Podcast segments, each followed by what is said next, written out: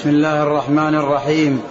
الحمد لله رب العالمين والصلاة والسلام على عبد الله ورسوله نبينا محمد عليه وعلى آله وصحبه أتم الصلاة أفضل الصلاة وأتم التسليم. أما بعد فيقول الإمام الحافظ أبو عيسى الترمذي رحمه الله تعالى في كتابه شمائل النبي صلى الله عليه وسلم قال باب فراش رسول الله صلى الله عليه وسلم.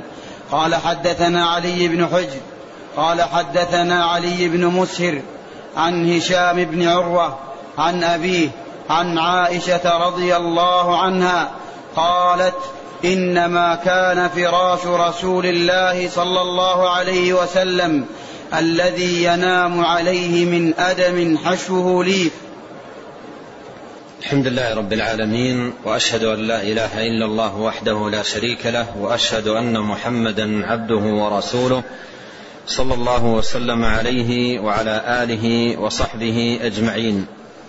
أما بعد قال المصنف الإمام الترمذي رحمه الله تعالى باب فراش رسول الله صلى الله عليه وسلم.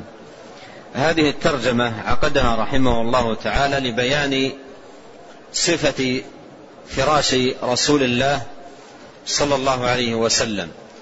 والفراش هو الشيء الذي ينام عليه الإنسان. والمكان الذي يخلد إليه للراحة. والنبي عليه الصلاة والسلام لم يكن له الفراش الوثير والمكان الأثير وإنما كان له عليه الصلاة والسلام كساء ينام عليه وهو من الصوف ولم يتخذ عليه الصلاة والسلام فراشا وثيرا وإنما كان ينام على فراش هذه صفته صلوات الله وسلامه عليه. والفراش كلما كان أكثر راحة للإنسان كان مدعاة لكثرة النوم وكثرة الخمول والكسل وحب البقاء على الفراش والارتباط فيه به لفترة أطول. بينما إذا كان الفراش على خلاف ذلك فإن الإنسان ينام عليه مدة حاجته فقط للنوم. فليس مكانا مريحا تاما بحيث يبقى البدن فيه مدة طويلة وإنما مكان مناسب يقضي عليه الإنسان حاجته من النوم ثم يقوم منه بنشاط. بخلاف الفراش الوثير الفراش الناعم الفراش المخمل فيقوم منه الإنسان وهو يحس بحاجته ورغبته في البقاء فيه مدة أطول. ولما كان نوم النبي صلى الله عليه وسلم نوم حاجة لإراحة البدن وإلا فمهمته في الحياة عظيمة وهي أعظم مهمة وجدت على وجه الأرض. مهمة نبينا صلى الله عليه وسلم وهو إمام المرسلين وقدوة عباد الله أجمعين صلوات الله وسلامه وبركاته عليه. فكان صلى الله عليه وسلم يأوي إلى فراشه بقدر ما يحتاج. جسمه من الراحة ولا يزيد. صلوات الله وسلامه عليه على ذلك. وقد مر معنا في ترجمة ماضية تقسيمه عليه الصلاة والسلام لليلة بين قيام ونوم. فهو عليه الصلاة والسلام لا تشاء أن تراه في الليل نائما إلا تراه ولا تشاء تراه قائما إلا تراه كما مر معنا بذلك بمعنى أنه يأخذ آه، نصيبه من الراحة في الليل وأيضا يأخذ حظا من من القيام والتهجد وحسن التقرب إلى الله تبارك وتعالى. فهذه ترجمة عقدها المصنف رحمه الله تعالى لبيان فراش رسول الله صلى الله عليه وسلم.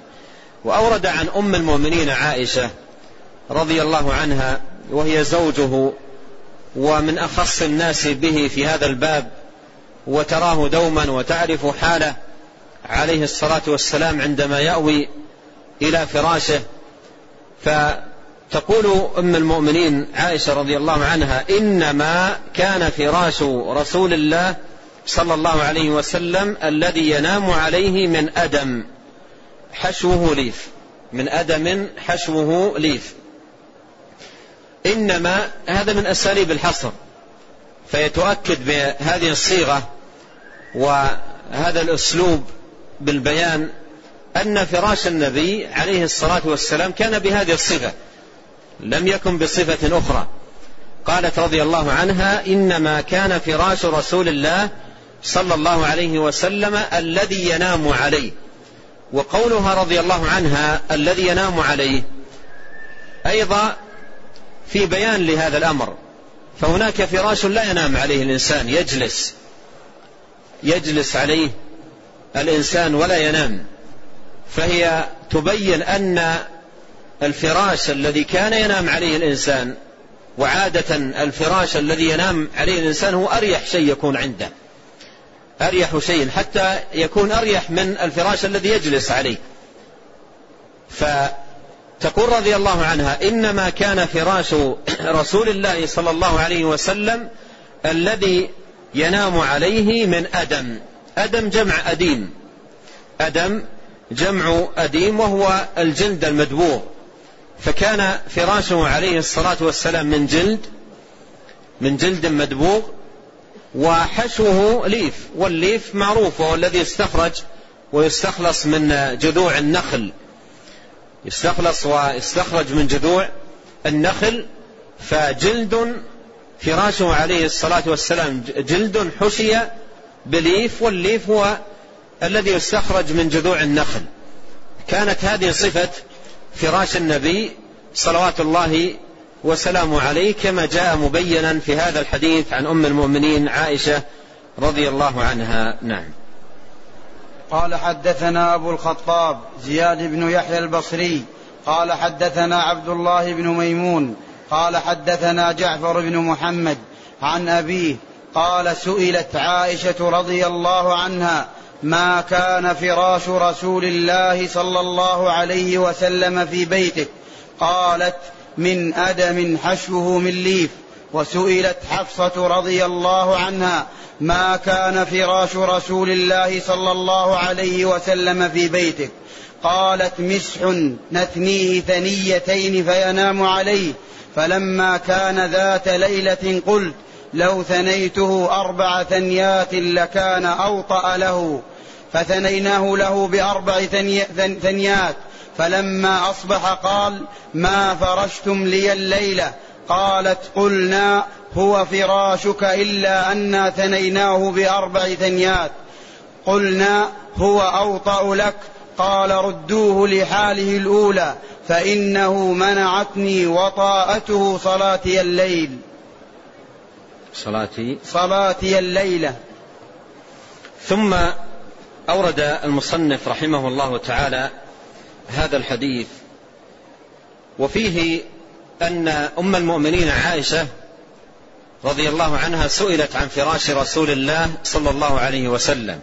وفيه كذلك أن أم المؤمنين حفصة رضي الله عنها سئلت السؤال نفسه. قال سئلت عائشة رضي الله عنها ما كان فراش رسول الله صلى الله عليه وسلم في بيتك؟ قالت من أدم حشوه من ليف وهذا نظير ما جاء عنها رضي الله عنها في الحديث المتقدم في بيان صفة فراش رسول الله صلى الله عليه وسلم. قال وسئلت حفصة زوج النبي رضي الله عنها زوج النبي صلى الله عليه وسلم ورضي الله عنها ما كان فراش رسول الله صلى الله عليه وسلم في بيتك؟ قالت مسح قالت مسح والمسح هو الكساء يتخذ من من الصوف. كساء يتخذ من الصوف. قالت مسح ومثل هذا لا يكون مريحا للبدن بل فيه شيء من الخشونة كما نعرفه من المتخذ من الصوف من الكساء. فتقول مسح نثنيه ثنيتين. نثنيه ثنيتين فينام عليه. أي تطوي الفراش بحيث ترد طرفه على طرفه الآخر ويكون بهذه الصفة أريح مما لو كان مد على حاله. أريح مما لو كان مد على حاله مع أنه من صوف والصوف فيه شيء من الخشونة. لكن إذا ثنته بهذه الطريقة أصبح طبقتين فيكون أريح للبدن أريح قليلا للبدن. فكانت العادة تضعه له بهذه الصفة فينام عليه.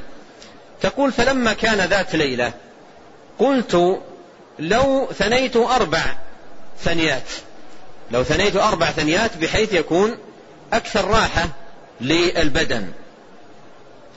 لكان أوطأ له لكان أوطأ له يعني لكان أكثر راحة له صلوات الله وسلامه عليه.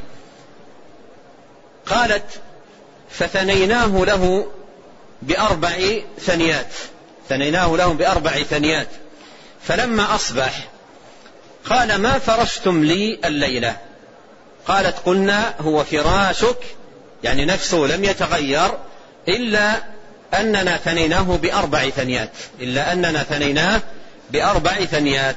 قلنا هو أوطأ لك يعني أكثر راحة لبدنك عندما تنام عليه. قال ردوه لحاله الأولى. قال ردوه لحاله الأولى فإنه أي الفراش آه، منعتني وطأته صلاتي الليلة.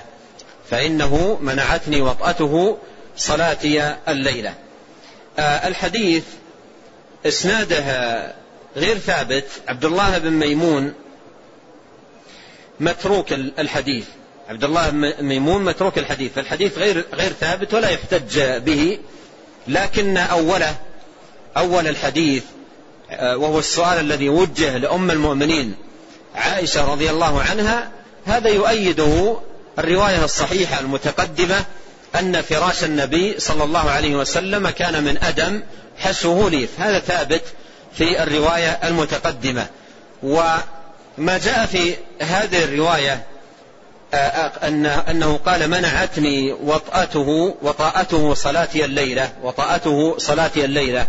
هذا من حيث الجملة المعنى صحيح من حيث الجملة أن وطاءة الفراش ولين الفراش ونعومة الفراش وكونه مريح للبدن راحة تامة هذا مدعاة لكثرة النوم. هذا مدعاة لكثرة النوم. وكل واحد منا يعرف ذلك من نفسه. يفرق بين إذا نام على فراش مخمل ومريح ولين يجد نفسه لا يريد أن يقوم من الفراش. لا يريد أن يقوم جسمه أخذ على الفراش والتصق به وأحب البقاء عليه. فيميل البدن بهذه الصفة للكسل والخمول والراحة وحب كثرة النوم. بينما إذا كان الفراش ليس بهذه الصفة. فإنه إذا أخذ حظه منه من النوم يقوم لا يرغب أن يستمر على على الفراش. هذا من جهة. ومن جهة أخرى هو أصح للبدن. من جهة أخرى أصح للبدن. بينما الفراش الناعم آه، يجلب للبدن الكسول والكسل والفتور والخمول. وإذا أخذ البدن على الخمول والكسل أيضا جلب له أمراض. جلب له أمراض.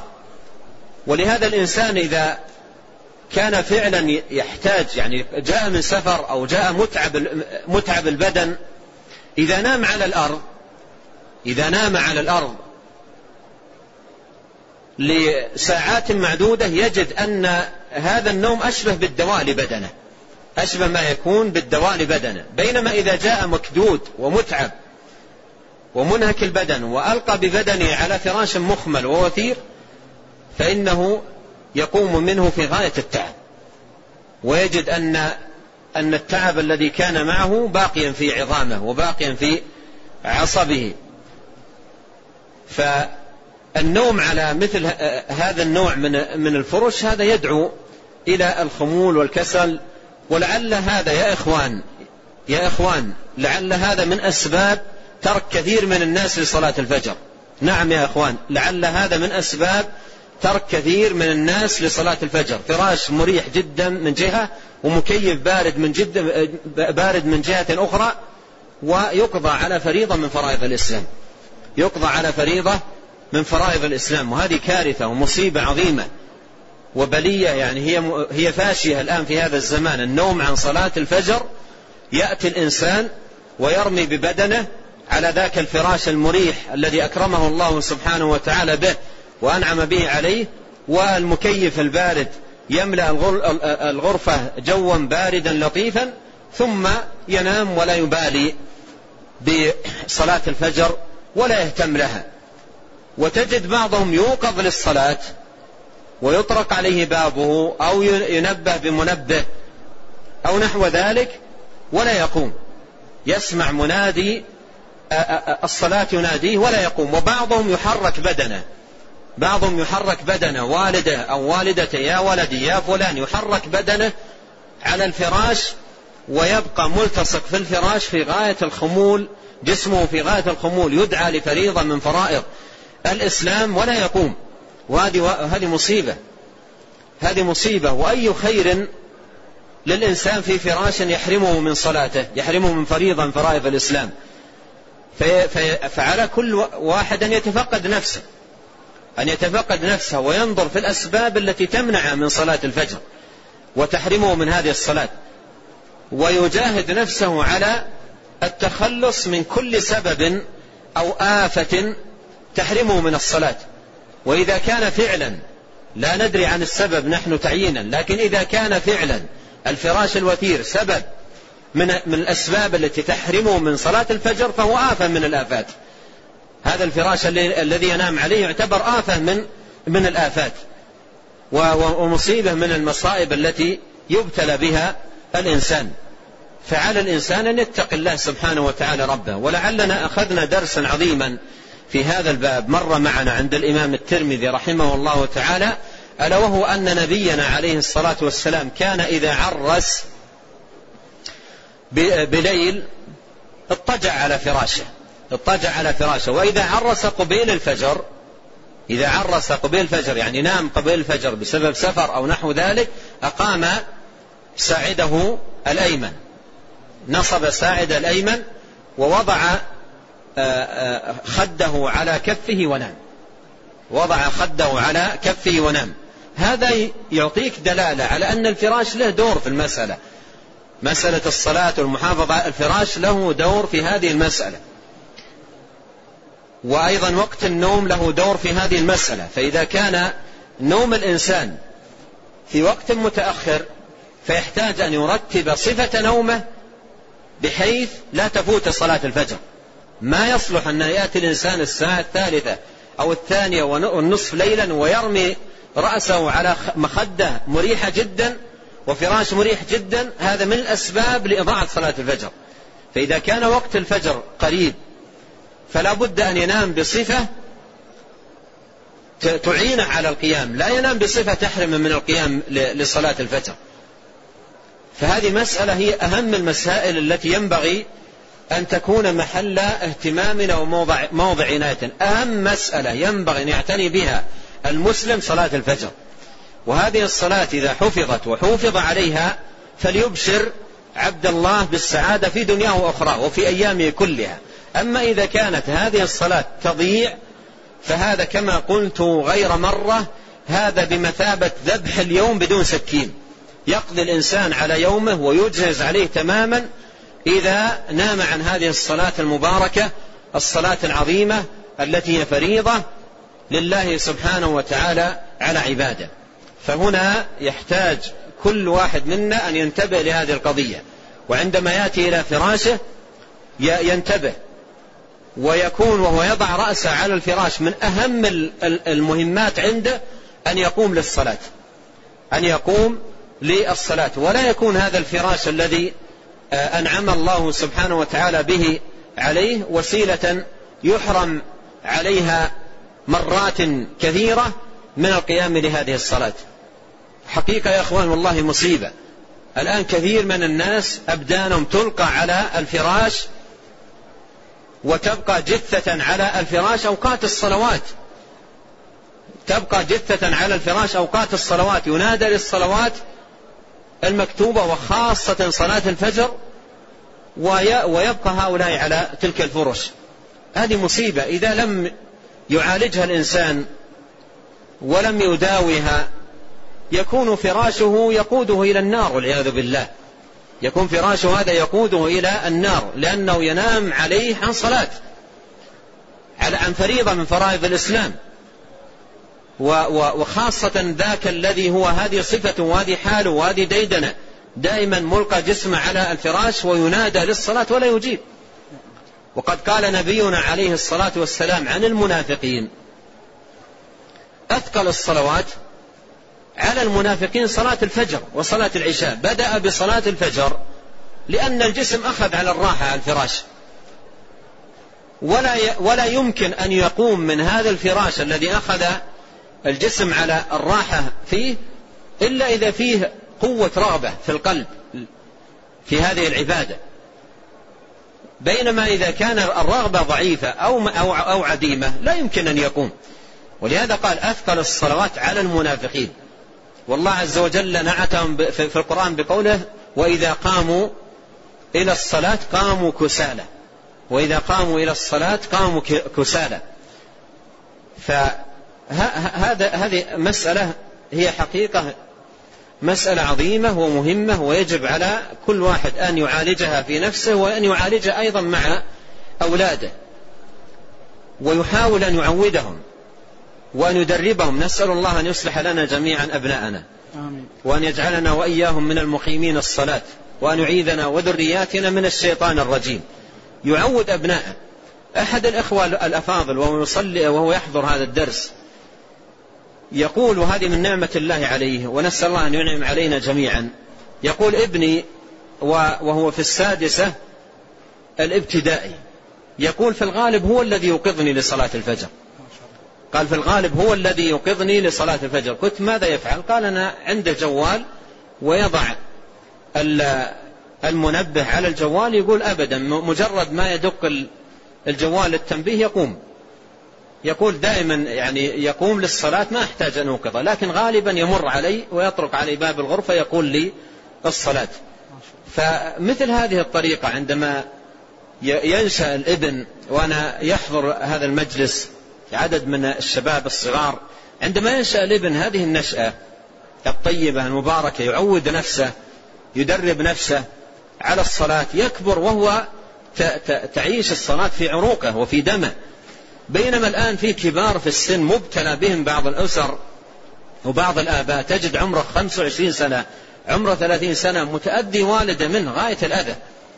ويتابع ويهز بدنه هزا. إذا جاء وقت الصلاة يا ولد ما يقوم ولا يتحرك من فراشه. فهذه القضية حقيقة هي أهم القضايا التي يجب أن أن نهتم بها في حياتنا الدنيا. بعد التوحيد. هذه أهم القضايا. ويهتم بها الإنسان مع نفسه خاصة ومع أولاده ومع قرابته حتى ينسى مجتمع محافظ على الصلاة. أما إذا كان الناس مضيعين لهذه الصلاة فهم لما سواها أضيع. إذا كان أول ما يسألون عنه يوم القيامة ضائعة وهي الصلاة. فكيف بما دونها من من الأعمال. ونسأل الله الكريم رب العرش العظيم أن يجعلنا جميعا من المقيمين الصلاة ومن ذرياتنا وأن يصلح لنا شأننا كله وألا يكلنا إلى أنفسنا طرفة عين وأن يجعل هذا العلم الذي نتعلمه حجة لنا لا علينا. نعم. قال رحمه الله باب تواضع رسول الله صلى الله عليه وسلم. قال حدثنا أحمد بن منيع وسعيد بن عبد الرحمن المخزومي وغير واحد قالوا حدثنا سفيان بن عيينة عن الزهري عن عبيد الله عن ابن عباس رضي الله عنهما عن عمر بن الخطاب رضي الله عنه قال قال رسول الله صلى الله عليه وسلم لا تطروني كما أطرت النصارى ابن مريم إنما أنا, إنما أنا عبد فقولوا عبد الله ورسوله ثم عقد المصنف الإمام الترمذي رحمه الله تعالى وغفر له هذه الترجمة. قال باب تواضع رسول الله صلى الله عليه وسلم. تواضع رسول الله صلى الله عليه وسلم. والتواضع هو لين الجانب وخفض الجناح وطيب المعاملة والبعد عن التعالي على الناس والترفع عليهم والتكبر. قال باب تواضع رسول الله صلى الله عليه وسلم. وتواضع النبي عليه الصلاة والسلام ظاهر في أخلاقه عليه الصلاة والسلام وفي تعاملاته.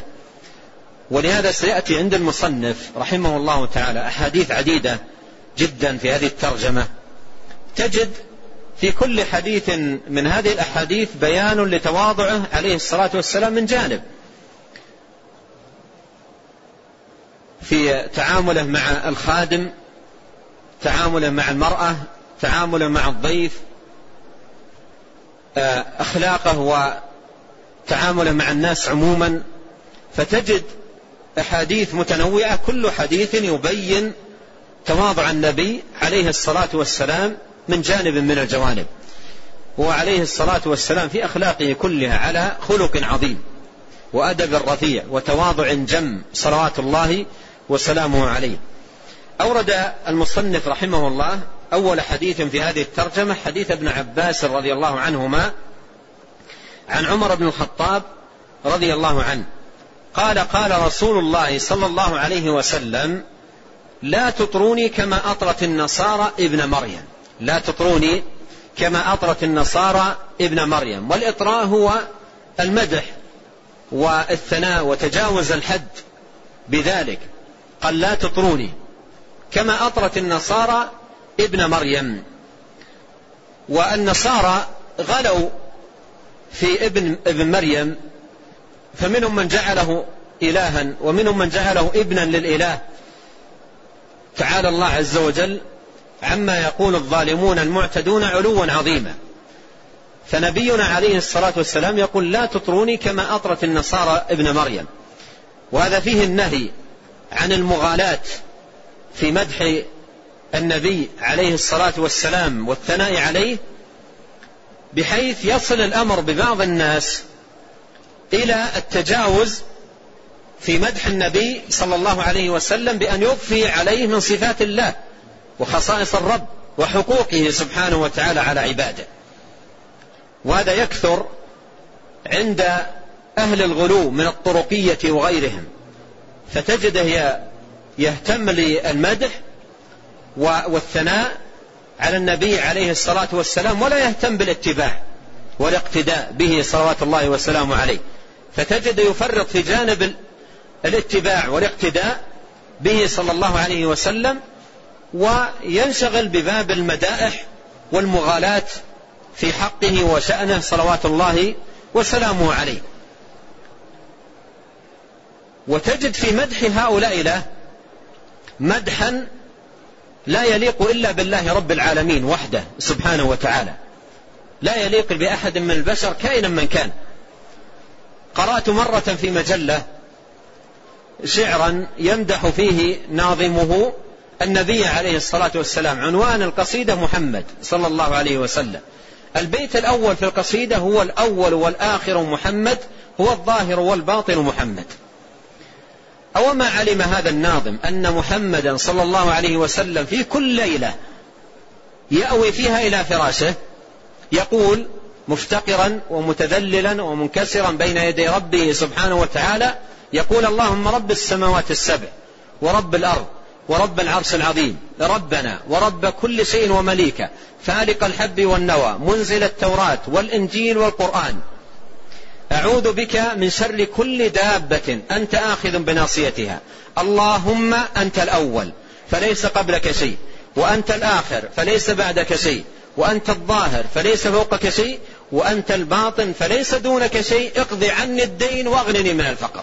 هكذا كان محمد صلوات الله وسلامه عليه يقول كل ليلة يناجي ربه.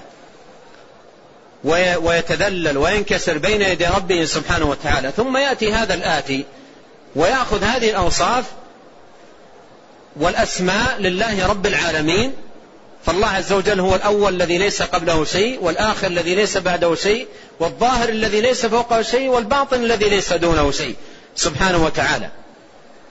فيأخذ هذه الأوصاف ويجعلها لمن؟ للنبي عليه الصلاة والسلام. سمع عليه الصلاة والسلام رجلا يقول ما شاء الله وشئت. فغضب. وقال أجعلتني لله ندا؟ بل ما شاء الله وحده. بل ما شاء الله وحده. فما, فما كان عليه الصلاة والسلام يرضى ذلك وينكر ذلك أشد الإنكار ويغضب لوجود ذلك أشد الغضب. صلوات الله وسلامه عليه. فتجد تحت هذا الباب يدخل ركام من الغلو والتجاوز للحد في المدح والثناء للنبي صلى الله عليه وسلم بما هو من خصائص رب العالمين سبحانه وتعالى وحقوقه جل وعلا على عباده. ومن ذلكم قول القائل في مدح النبي عليه الصلاة والسلام يقول يا أكرم الخلق ما لي من ألوذ به سواك عند حلول الحادث العمم وإن من جودك الدنيا وضرتها وإن من علومك علم اللوح والقلم يا أكرم الخلق يخاطب النبي عليه الصلاة والسلام. يقول إن من جودك يعني من كرمك وفضلك وعطائك الدنيا وضرتها أي الآخرة. ومن أيضا للتبعير. فبعض جوده بزعم هذا الدنيا والآخرة.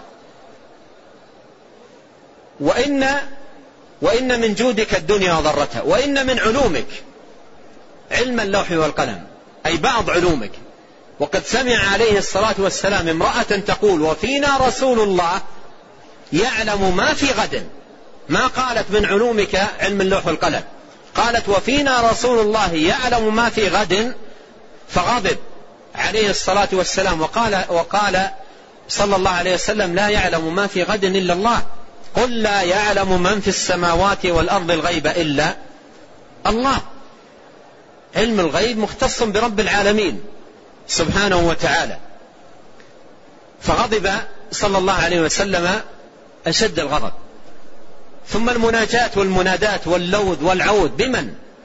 يقول يا أكرم الخلق ما لي من ألوذ به سواك. أين الله؟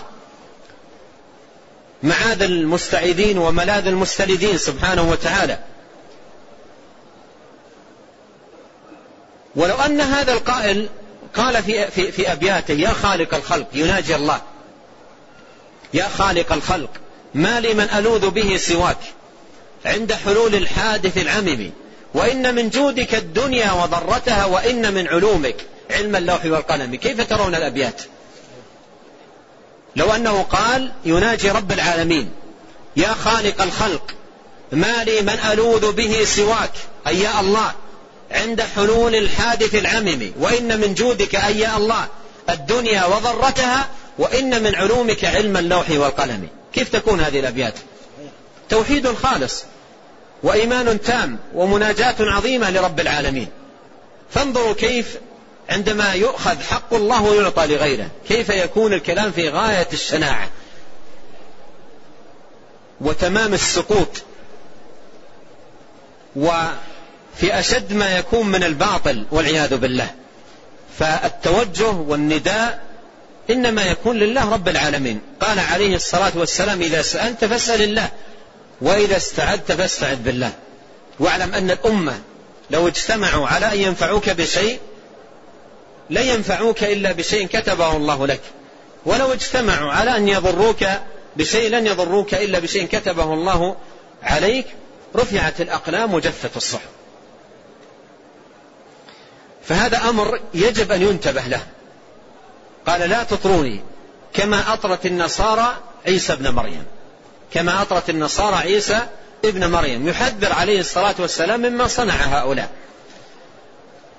قال صلى الله عليه وسلم إنما أنا عبد. فقولوا عبد الله ورسوله. فقولوا عبد الله ورسوله صلى الله عليه وسلم. اختار لنا عليه الصلاة والسلام. والواجب علينا أن نرضى باختياره. وهذا من تمام حبه عليه الصلاة والسلام أن نرضى باختياره صلى الله عليه وسلم. قال قولوا عبد الله ورسوله. قولوا عبد الله ورسوله. ولهذا على الإنسان أن يختار ما اختاره عليه الصلاة والسلام وما وجه إليه. فيقول قال عبد الله ورسوله. قال رسول الله صلى الله عليه وسلم قال نبينا صلوات الله وسلامه عليه نختار له ما اختاره هو عليه الصلاة والسلام ورضيه لنفسه. قال قولوا عبد الله ورسوله. ولو تتأمل في هذه الكلمة التي اختارها عليه الصلاة والسلام تجد أنها جاءت في مقام الوسط والاعتدال وتحقق للعبد الوسطية في هذا الباب. تحقق للعبد الوسطية في هذا الباب لأن فيها الإيمان بأمرين يتعلقان به عليه الصلاة والسلام وهما العبودية والرسالة. العبودية والرسالة. وهو عليه الصلاة والسلام أكمل عباد الله عبودية لله وتحقيقا لطاعته سبحانه وتعالى. والرسالة وهو عليه الصلاة والسلام بلغ البلاغ المبين. وما ترك خيرا إلا دل الأمة عليه ولا شرا إلا حذرها منه. فكان رسولا أمينا وناصحا ومعلما مشفقا. صلوات الله وسلامه عليه. لقد جاءكم رسول من أنفسكم عزيز عليه ما عنتم حريص عليكم. بالمؤمنين رؤوف رحيم. فعندما تقول عبد الله ورسوله تعطيك هذه الجملة توازن واعتدال وتوسط ومجانبة ومباعدة عن الغلو والجفاء. لأنك إذا قلت عبد الله فأنت تستحضر هنا أن العبد لا يعبد ولا يعطى شيء من خصائص الرب ولا من حقوقه. إذا قلت عبد الله هذه تعطيك قاعدة في هذا الباب وهي أن العبد لا يعبد ولا يعطى شيء من خصائص الله. خصائص الله لله ليست لأحد من عباد الله مهما علت مكانة هذا العبد ومهما ارتفعت لا لا يستحق أن يعطى شيئا من خصائص الله ولا شيء من حقوق الله. حقوق الله لله. وخصائص الله لله لا يستحقها أي أحد. مهما كان قل إنما أنا بشر مثلكم يوحى إلي. أنما إلهكم إله واحد. فمن كان يرجو لقاء ربه فليعمل عملا صالحا ولا يشرك بعبادة ربه أحد. فحقوق الله لله مهما علت منزلة العبد فيبقى عبد لا يستحق شيء من خصائص الرب. ولا يستحق شيء من حقوق الرب سبحانه وتعالى. فإذا هذا جانب عبد الله والعبد لا يعبد. قال ورسوله هنا بيان لمقامه. والله يقول وما أرسلنا من رسول إلا ليطاع. فإذا آمنت بأنه رسول فالرسول حق أن يطاع وأن يتبع وأن يسار على منهاجه وأن يقتفى أثره. قال عبد الله ورسوله. ولهذا فإن هذه الكلمة عبد الله ورسوله تخرج بالإنسان عن جانبين جانب الجفاء وجانب الغلو. الخروج عن جانب الغلو يكون بماذا؟ بالإيمان بأنه عبد الله. هذا يخرج الإنسان عن الغلو. الإيمان بأنه عبد الله. والعبد لا يعطى شيء من خصائص الرب ولا يعطى شيء من حقوق الرب. وذاك الغالط الذي قال هو الأول والآخر هل هذه تنسجم مع عبد؟ هل تنسجم؟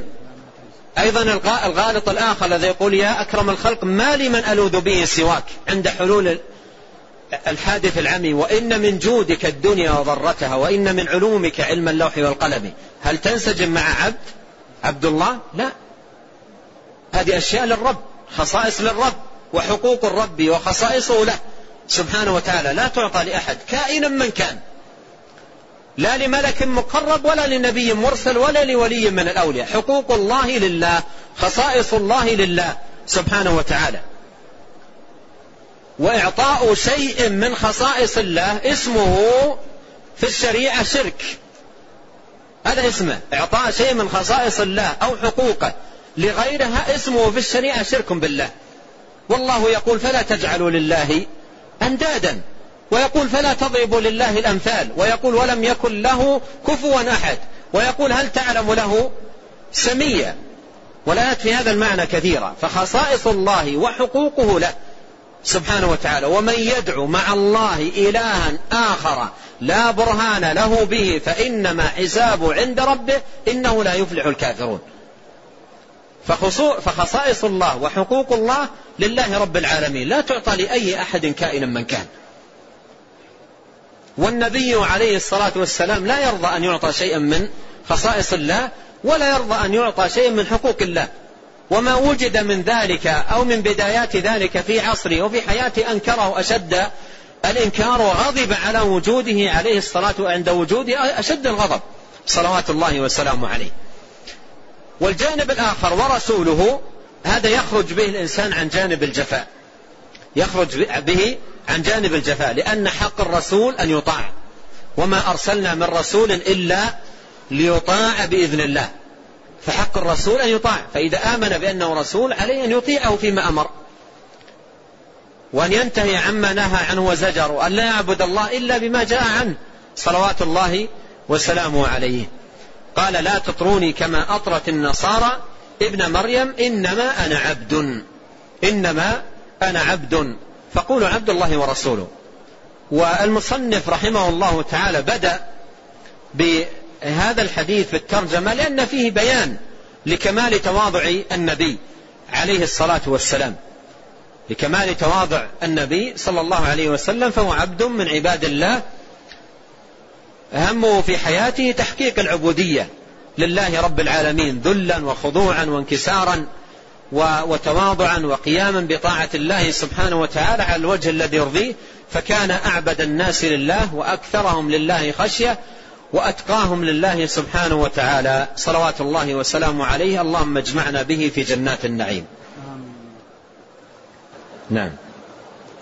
قال رحمه الله حدثنا علي بن حجر قال حدثنا علي بن حجر قال حدثنا سويد بن عبد العزيز عن حميد عن أنس رضي الله عنه أن امرأة جاءت إلى النبي صلى الله عليه وسلم فقالت له إن لي إليك حاجة.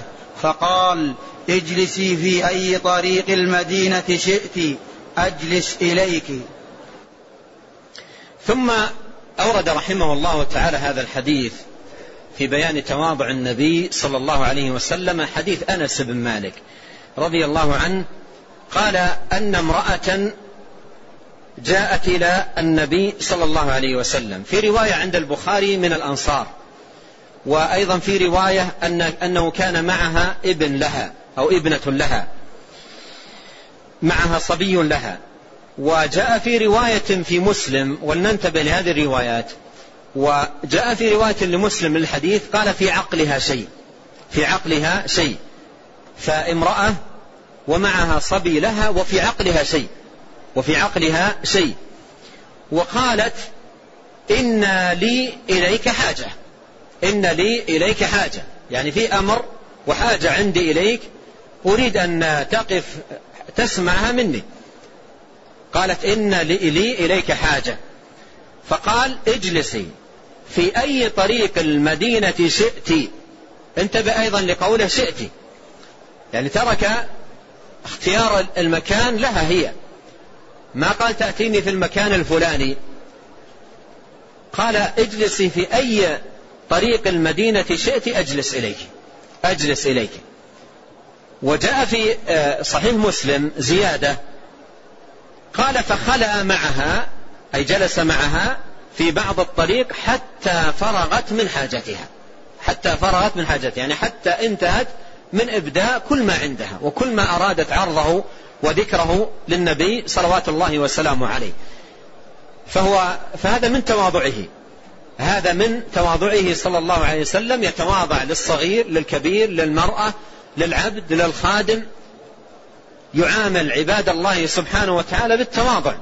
وهذا التواضع من الأسباب العظيمة والدوافع الكبيرة لقبول ما بعث به وانتشاره بين الناس. قال الله فبما رحمة من الله لنت لهم ولو كنت فظا غليظ القلب لانفضوا من حولك. نعم. قال رحمه الله حدثنا علي بن حجر. الإسناد إسناد الحديث فيه سويد. ابن عبد العزيز لين الحديث. لكنه توبع تابعه غير واحد. وعند الإمام أحمد وعند غيره وبهذه المتابعات يصح الحديث فهو ثابت. وجاء في أيضا البخاري وفي مسلم كما أشرت إلى ذلك وأشرت إلى بعض ألفاظ الصحيحين. نعم. قال حدثنا علي بن حجر قال حدثنا علي بن مسهر عن مسلم الأعور عن أنس بن مالك رضي الله عنه قال كان رسول الله صلى الله عليه وسلم يعود المريض ويشهد الجنائز ويركب ويركب الحمار ويجيب دعوة العبد وكان يوم بني قريضة على حمار مخطوم مخطوم بحبل من ليف وعليه كاف من ليف. ثم أورد رحمه الله تعالى هذا الحديث عن أنس بن مالك رضي الله عنه قال كان رسول الله صلى الله عليه وسلم يعود المريض كان يعود المريض. ولو كان المريض صغير السن ولو كان المريض أيضا غير مسلم ولو كان المريض غير مسلم فكان عليه الصلاة والسلام يعود المريض. وعيادة المريض فيها فوائد عظيمة منها تسليته وإدخال السرور على قلبه. ومنها الفوز بما أعده الله سبحانه وتعالى لمن عاد مريضا. ومن عاد مريضا فهو في مخرفة الجنة. وجاء في حديث أنه يصلي عليه سبعون ألف ملك حتى يمسي إذا زاره في الصباح. وإذا زاره في المساء يصلي عليه سبعون ملك حتى يصبح. وفيها فيها فضائل وفوائد عظيمة جدا. فيها فضائل وفوائد عظيمة وأيضا إضافة إلى ما يكون من الزائر من كلمة طيبة ومواساة لطيفة ونصيحة مشفقة ودعوة صالحة إلى غير ذلك من الفوائد والآثار. والنبي عليه الصلاة والسلام صح عنه أنه عاد غلاما عاد غلاما نصرانيا عاده وهو مريض في بيته. وكان في مرض الموت. كان ذاك الغلام في مرض الموت. فعاد وكان والده عنده. والد الغلام كان عنده. فوقف عند رأسه عليه الصلاة والسلام ودخل عليه سرور عظيم بدخول النبي عليه الصلاة والسلام عليه وعيادته له في مرضه. ثم قال له أسلم. دعاه للإسلام عليه الصلاة والسلام. فرفع الغلام رأسه إلى والده. كأنه يستشيره. ما رأيك؟ رفع رأسه إلى والده. قال أطع أبا القاسم. فأسلم. فخرج النبي عليه الصلاة والسلام فرحا. يقول الحمد لله الذي أنقذه بي من النار. الحمد لله الذي أنقذه بي من النار. فحتى غير المسلم يزار. يزار وتكون زيارته تكون زيارته آه، وسيلة لتأليف قلبه ودعوة الإسلام. ولعله بسبب تلك الزيارة يأنس بك ويسمع منك كلمة ينفتح بها صدره للإسلام فيسلم. وأعرف شخصا بالذكر ولم أره لكن حدثت عنه في زماننا هذا متخصص في بلده لزيارة المرضى من غير المسلمين في المستشفيات. متخصص في هذا. متخصص في زيارة المرضى من غير المسلمين في المستشفيات. ومعتني بهذا عناية عجيبة جدا. مهتم بهذا الأمر اهتمام عجيب. ومن الله عز وجل عليه بأن أسلم عدد على يديه من هؤلاء المرضى. أسلم على يديه عدد وبعضهم أسلم ولم يبقى على الحياة إلا وقتا يسيرا. مثل ما حصل للغلام في قصة عيادة النبي عليه الصلاة والسلام له. فعيادة المريض آه، فيها فوائد وفيها آه، آه، آثار عظيمة وكان عليه الصلاة والسلام يعود المريض سواء كان المريض صغيرا أو كبيرا مسلما أو غير مسلم كان عليه الصلاة والسلام يعود المريض.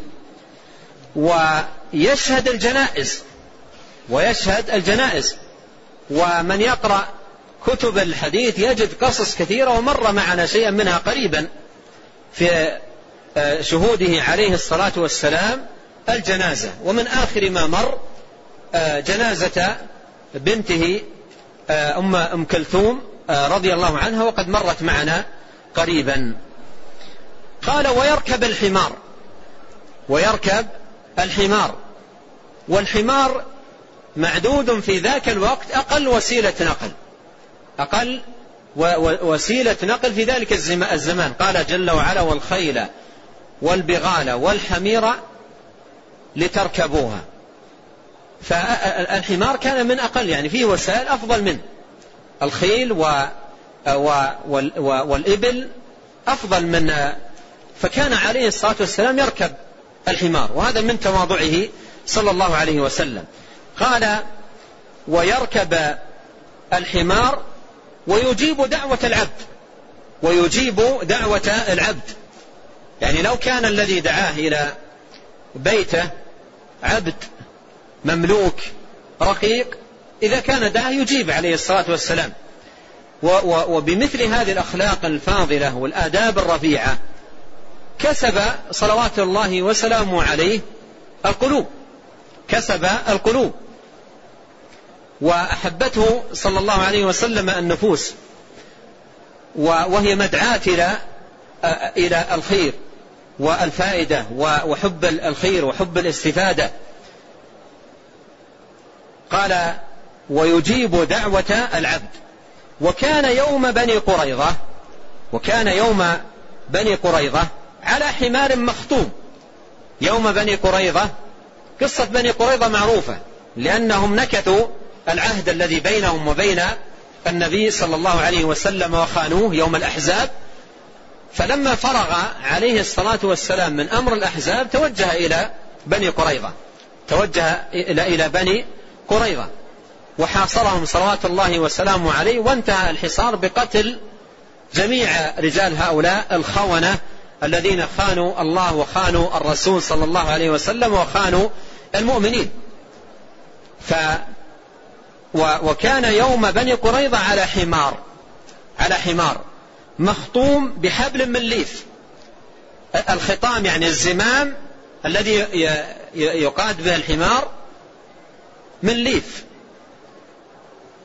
وعليه إكاف من ليف الإكاف البرذع وهو الذي يوضع على ظهر الحمار ليركب عليه ويكون أسهل وأيسر شيئا ما للراحة. فكان إكافه من ليف فالإكاف أي البرذع الذي يوضع على ظهر الحمار وهو بمثابة السرج الذي يوضع على ظهر الفرس والرحل يوضع على ظهر البعير. فكان إكاف, إكاف وعليه إكاف من ليف وعليه إكاف من ليف وهذا يعني دابة متواضعة ركب على دابة بهذا التواضع وأيضا الذي يوضع عليه ويجلس عليه عليه الصلاة والسلام بهذه الصفة المتواضعة هذا كله من تواضع النبي عليه الصلاة والسلام. والمصنف رحمه الله أورد هذا الحديث في جامعة وقال لا نعرفه إلا من حديث مسلم عن أنس ابن مالك ومسلم هو الأعور وهو واهي الحديث. حديثه لا يحتج به. وكما قال الترمذي لا يعرف هذا الحديث إلا من رواية مسلم الأعور. فيكون الحديث ضعيف. فيكون الحديث ضعيف الإسناد. لكن كل ما ذكر في الحديث كل ما ذكر في الحديث من معاني دلت عليها شواهد في سنته عليه الصلاة والسلام. مثل عيادة المريض شهودا للجنازة ركوبة للحمار. إلى آخر ذلك هذا كله له دلائله في سنته وهديه. صلوات الله وسلامه عليه. نعم. قال رحمه الله حدثنا واصل بن عبد الأعلى الكوفي قال حدثنا محمد بن فضيل عن الأعمش عن أنس بن مالك رضي الله عنه قال كان النبي صلى الله عليه وسلم يدعى إلى خبز الشعير والإهالة والسنخة فيجيب. ولقد كان له درع عند يهودي فما وجد ما يفكها حتى مات. لعلنا نكتفي بهذا ويأتي التعليق على هذا الحديث في لقاء الغد بإذن الله سبحانه وتعالى ونسأل الله الكريم رب العرش العظيم بأسمائه الحسنى وصفاته العليا أن يمن علينا أجمعين بالعلم النافع. والعمل الصالح وأن يهدينا إليه صراطا مستقيما وأن يصلح لنا النية والذرية.